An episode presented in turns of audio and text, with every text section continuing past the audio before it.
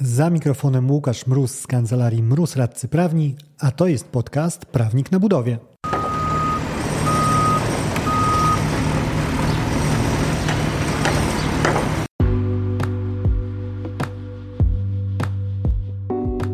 Prawnik na budowie. Podcast o wszystkim, co związane z budownictwem. Uwaga, może zawierać śladowe ilości prawa. Nazywam się Łukasz Mróz, jestem radcą prawnym i partnerem w kancelarii Mróz Radcy Prawni, w której na co dzień pomagamy firmom budowlanym sprawnie prowadzić projekty. Ten odcinek to kolejna edycja mikropodcastu, czyli krótkiego strzału na konkretny temat.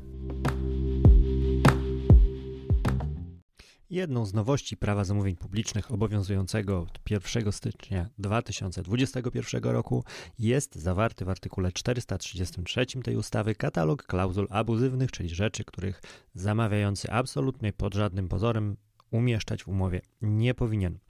Idea była prosta wprowadzenia tego rozwiązania, mianowicie wrzucamy dodatkowy taki bufor bezpieczeństwa, który ma chronić wykonawców przed bardzo niekorzystnym kształtowaniem w ich relacjach z zamawiającym postanowień umownych. Ale co ciekawe, w praktyce jedno z istotniejszych postanowień, tych zakazanych, może troszkę na zasadzie efektu motyla przyjąć nie do końca korzystny dla wykonawców obrót. Chodzi mi konkretnie o punkt pierwszy tego przepisu artykułu 433, czyli odpowiedzialność wykonawcy za opóźnienie z zastrzeżeniem przypadków, w których jest to uzasadnione okolicznościami lub zakresem zamówienia.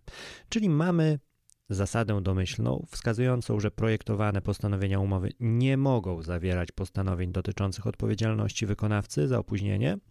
W tym wrzucamy też kary umowne, bo to jest jedna z postaci takiej odpowiedzialności. Ale mamy taką też istotną gwiazdkę, która następuje po przecinku, czyli zastrzeżenie tych przypadków, w których jest to uzasadnione okolicznościami lub zakresem zamówienia. I teraz troszkę zejdźmy na bok.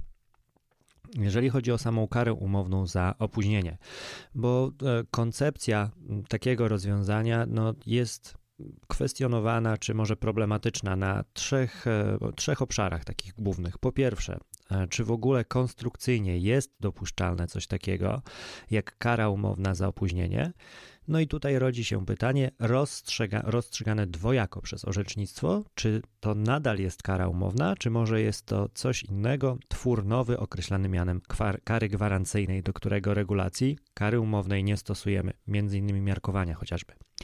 To jest pierwsze pole. Drugie pole to jest, jeżeli już przyjmujemy, że idziemy w kierunku tego, że to może być kara umowna jednak za opóźnienie, to jaki jest standard zastrzegania tego opóźnienia? Czy wystarczające jest hasłowe posłużenie się słowem właśnie opóźnienie i mamy już zielonym, zielonym ptaszkiem odhaczony w, w polu takim w kwadraciku, że ok, mamy, mamy zaznaczanie ten wymogu opóźnienia, czy też wyższy standard jest wymagany i strona, która chce korzystać z takiego dobrodziejstwa, jak powoływanie się na opóźnienie drugiej strony jako podstawa naliczenia kary umownej, powinna oznaczyć konkretnie, jakie rzeczy te opóźnieniowe widzi, które będą pozwalały jej na karanie kontrahenta, jak chociażby pogoda czy działania innych wykonawców, którzy są zaangażowani w realizację inwestycji na placu budowy. Także to jest druga sfera. I trzecia to jest e, taka sfera ustaleniowa czyli przyjęcie właściwie ok, ale y, co tak naprawdę miały strony na myśli wpisując opóźnienie? Czy one w ogóle chciały, używając tego słowa, wywołać ten efekt rozszerzonej odpowiedzialności? I właśnie na tej trzeciej sferze chciałbym się skupić, ponieważ y, w świetle tego problemu, no, że wykształciła się linia orzecznicza, to troszkę jeszcze dużo powiedziane, ale zapadł szereg y, orzeczeń, to już jest bezpieczniejsze i bliższe prawdzie gdzie wskazuje się, że w największym uproszczeniu samo posłużenie się słowem opóźnienie to jest za mało, żeby przekazać ten, tą wolę rozszerzenia odpowiedzialności z tytułu kar umownych. Że to nie daje takiej obiektywnej osobie, która czyta kontrakt, podstaw, żeby wywieść z tego, że rzeczywiście o to chodziło stronom, samo w sobie, że muszą być to jakieś albo okoliczności towarzyszące, które pokazują, jak strony rozumiały te konkretne słowo opóźnienie, bądź też jakieś e, inne rozwinięcie w umowie, powiedzmy, że rzeczywiście chcieliśmy pójść w ten szerszy zakres odpowiedzialności. I takie poglądy spotkać można zarówno w Sądzie Najwyższym, w sądach apelacyjnych są chętnie powoływane, w Krajowej Izbie Odwoławczej również.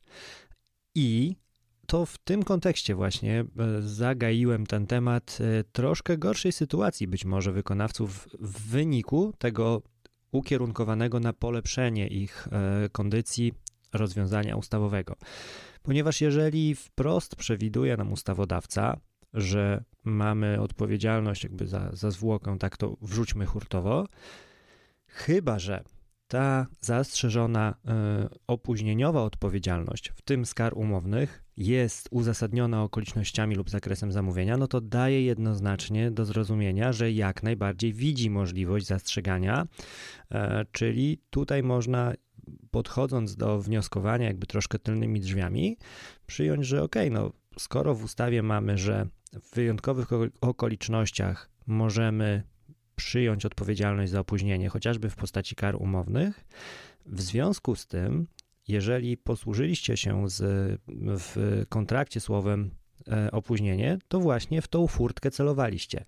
Czyli mamy tutaj taki dodatkowy argument, powiedzmy, na rzecz zamawiającego, e, że kara za opóźnienie ma być właśnie za opóźnieniem, i to troszkę podkopuje tą linię orzeczniczą, o której mówiłem, E, która zakłada, że musi być bardzo jednoznacznie wyrażone, co mamy na myśli przez to opóźnienie, ponieważ e, tutaj zamawiający może sięgnąć do tego przepisu. No i Wysoki Sądzie, tu jest wyraźne zróżnicowanie. Zróżnicowałem tak to, to tak, jak stanowi ustawa, więc to jest ten mój dodatkowy argument za tym, że my pisząc e, w umowie słowo opóźnienie, właśnie opóźnienie mieliśmy na myśli.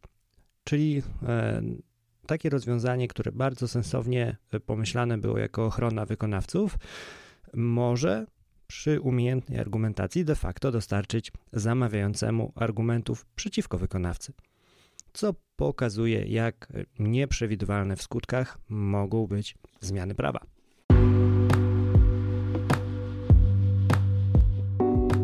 To wszystko w tym odcinku. Dzięki za jego odsłuchanie. Przy okazji zapraszam Cię do śledzenia mnie w mediach społecznościowych. Na LinkedIn znajdziesz mnie wpisując w wyszukiwarce Łukasz Mróz.